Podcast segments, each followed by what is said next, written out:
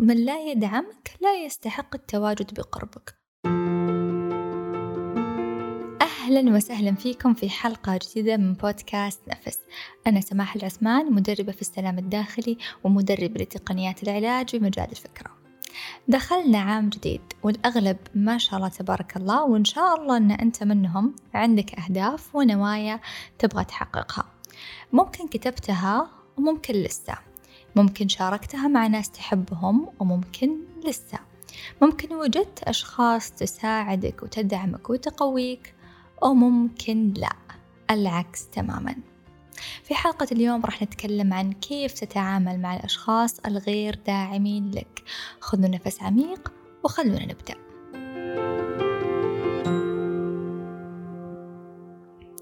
كثير توصلني أسئلة على الإنستغرام خصوصا لما نتكلم عن موضوع تحقيق الأهداف وكتابة الأهداف.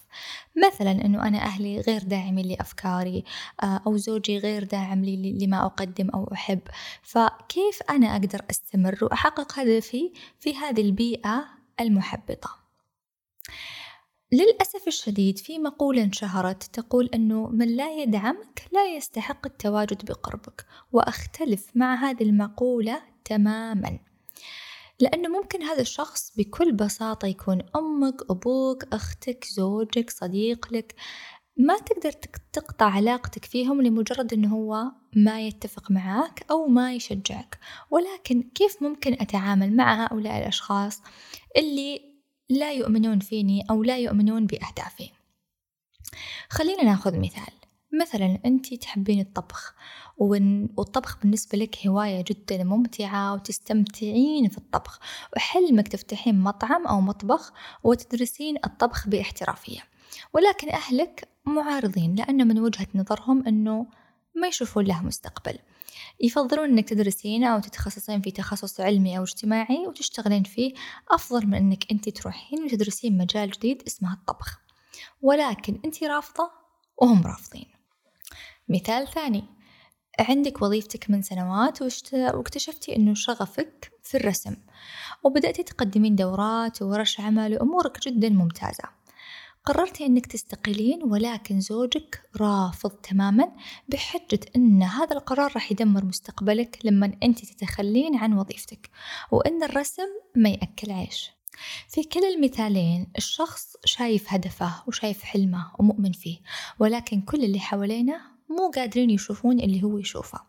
وفي هالحالة كيف إحنا ممكن نتعامل مع هذا الموضوع؟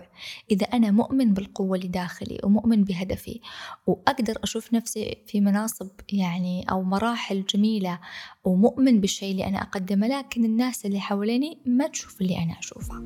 أول شيء خلينا نتكلم على صعيد المشاعر اللي هو تخصصي. وهدفي في هذا البودكاست أني دائما أوضح لك مشاعرك وأساعدك أنك تفهمها بشكل واضح.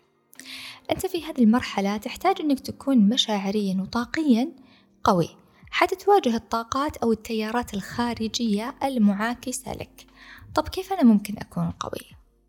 أنك تسمع صوت قلبك أنك تسمع وتشوف نفسك وتشوف هدفك كيف ممكن يتحقق. أنك كل يوم تغذي نفسك وتغذي خيالك بصورة نجاح هذا الهدف. دائما انتبه وين يكون تركيزك. أعرف وأفهم تماما أنه صعب أنك تركز على نفسك ومشاعرك وأنت أصلا معصب من اللي حوالينك أو محبط أو تشعر بالحزن أو باليأس. كل هذه الأشياء اللي تمر فيها وممكن يكون خوف أنه ما في أحد معك وأقول لك ركز على مشاعرك ولكن أبي ترجع دائما وتفكر إيش الشيء اللي أنت تبغى تشتغل عليه؟ ولكن اللي أطلبه منك أنك دائما تسترجع الشيء اللي أنت تبغاه وتوجه تركيزك له. أي شيء توجه عليه تركيزك يزداد. فلو يعني وجهت تركيزك على المشاكل والناس اللي حوالينك ضدك أنت تدعمها. لكن لما تركز على الشيء اللي أنت تبغاه هدفك مشاعرك طاقتك أنت بهذه الطريقة تدعم نفسك بنفسك. أنا أبي أنجح أنا أبي أحقق هدفي. إذا اشتغل على هالنقطة من ناحية المشاعر والخيال ولا تستهين أبدا أبدا أبدا بموضوع المشاعر والخيال لأنها تلعب دور كبير في طاقتك وطاقتك هي اللي بتخليك تدافع عن هذا الهدف. ما أبي الإحباط أو الحزن يسيطر عليك لأن هذولي أول شيء راح يكون مدمر لك. بالعكس خلي نفسك شوية طويل ووجه تركيزك للشيء اللي أنت تبغاه. ثاني شيء تقبل اختلافهم عنك. ترى عادي أمك وأبوك ما يستوعبون كيف أنتي بتتركين تخصص جامعي كل الناس تروح تدرسه وأغلب الناس يسلكون هذا النمط من الحياة يدرسون هندسة طب محاسبة إلى آخره من التخصصات العلمية. أنتي ما تبين تسوين نفس هذا الشيء وقررتي تروحين تدرسين طبخ أو أزياء. هم تعودوا على نمط حياة محددة وأنت جاية بتكسرين هذا النمط. فطبيعي أنه ممكن يخالفونك. لذلك رسالتي لك هنا أنك تحاولين تتقبلين اختلافهم عنك وافهمي وجهة نظرهم هم ليش رافضين؟ لأنه طريقة تفكيرك غير طريقة تفكيرهم. النقطة الثالثة المهمة حاول أنك ما تخفي خوفك. يعني أحيانا لما إحنا نتكلم عن شيء نحبه ونتكلم عنه بشغف عالي وإيجابية عالية وممكن هذا الشيء يعني هذا الشعور الإيجابي العالي يكون غير مقنع للطرف الثاني. يعني مثلا أجي أنا وأقول آه أنا قررت إني أترك شغلي لأني أنا أحب الطبخ وبفتح إن شاء الله سلسلة مطاعم و... وراح تشوفون كيف راح تكون ناجحة وراح يكون عندي موظفين وراح أصير غنية إلى آخره. كل هذا كلام جميل. بس لازم نبدأ بالتدريج. اعملي خطة استشيري ناس مختصين شاركي هذه الخطة أهلك بحيث أنهم يشوفون أنه أنت فعلا قاعدة تفكرين بموضوع بشكل جدي وقاعدة تدرسينه مع ناس فاهمة بحيث أنها تساعدك أنك توصلي للهدف اللي أنت تبغينه. هو مش مجرد حلم يخافون أنك أنت تفشلين فيه لا هو فعلا نية واضحة وأنت أخذتي أول خطوة لتحقيقها. أحرص أنك تشاركهم نقاط ضعفك ونقاط القوة عندك. وشاركهم قد إيش أنت مؤمن بهذا الهدف وفقط تحتاج فرصة منهم. رابعا ابدأ بخطوات بسيطة حتى تثبت نجاحك. أذكر أول ما بدأت في مجال التدريب كنت لسه أدرس الماجستير صحة عامة. طبعا الناس كانت حواليني كلها تقول لي ممتاز هواية جميلة. ما كانت تتوقع أنه هذا راح يكون شغلي الحقيقي. وبدأت بالتدريج أقدم جلسات ورش عمل. ما راح أقول لك أنه الإقبال كان جدا كبير في البدايات ولكن في ناس في ناس مهتمة بهذا المجال. معناها الشيء اللي أقدمه الناس تحبه. هنا بدأت الناس اللي حواليني تشوف أنه أوه أوكي. ويعني ماشية الأمور معاها شكلها شكل الشغل ممتاز. وبدأت بالتدريج تشوف نتائج مو بس تسمع أحلام أو تسمع أهدافي. لذلك حاول أنك تشتغل على هدفك بخطوات بسيطة حتى تشارك الناس نتائج بسيطة وأنت تستمتع بهذا الإنجاز البسيط.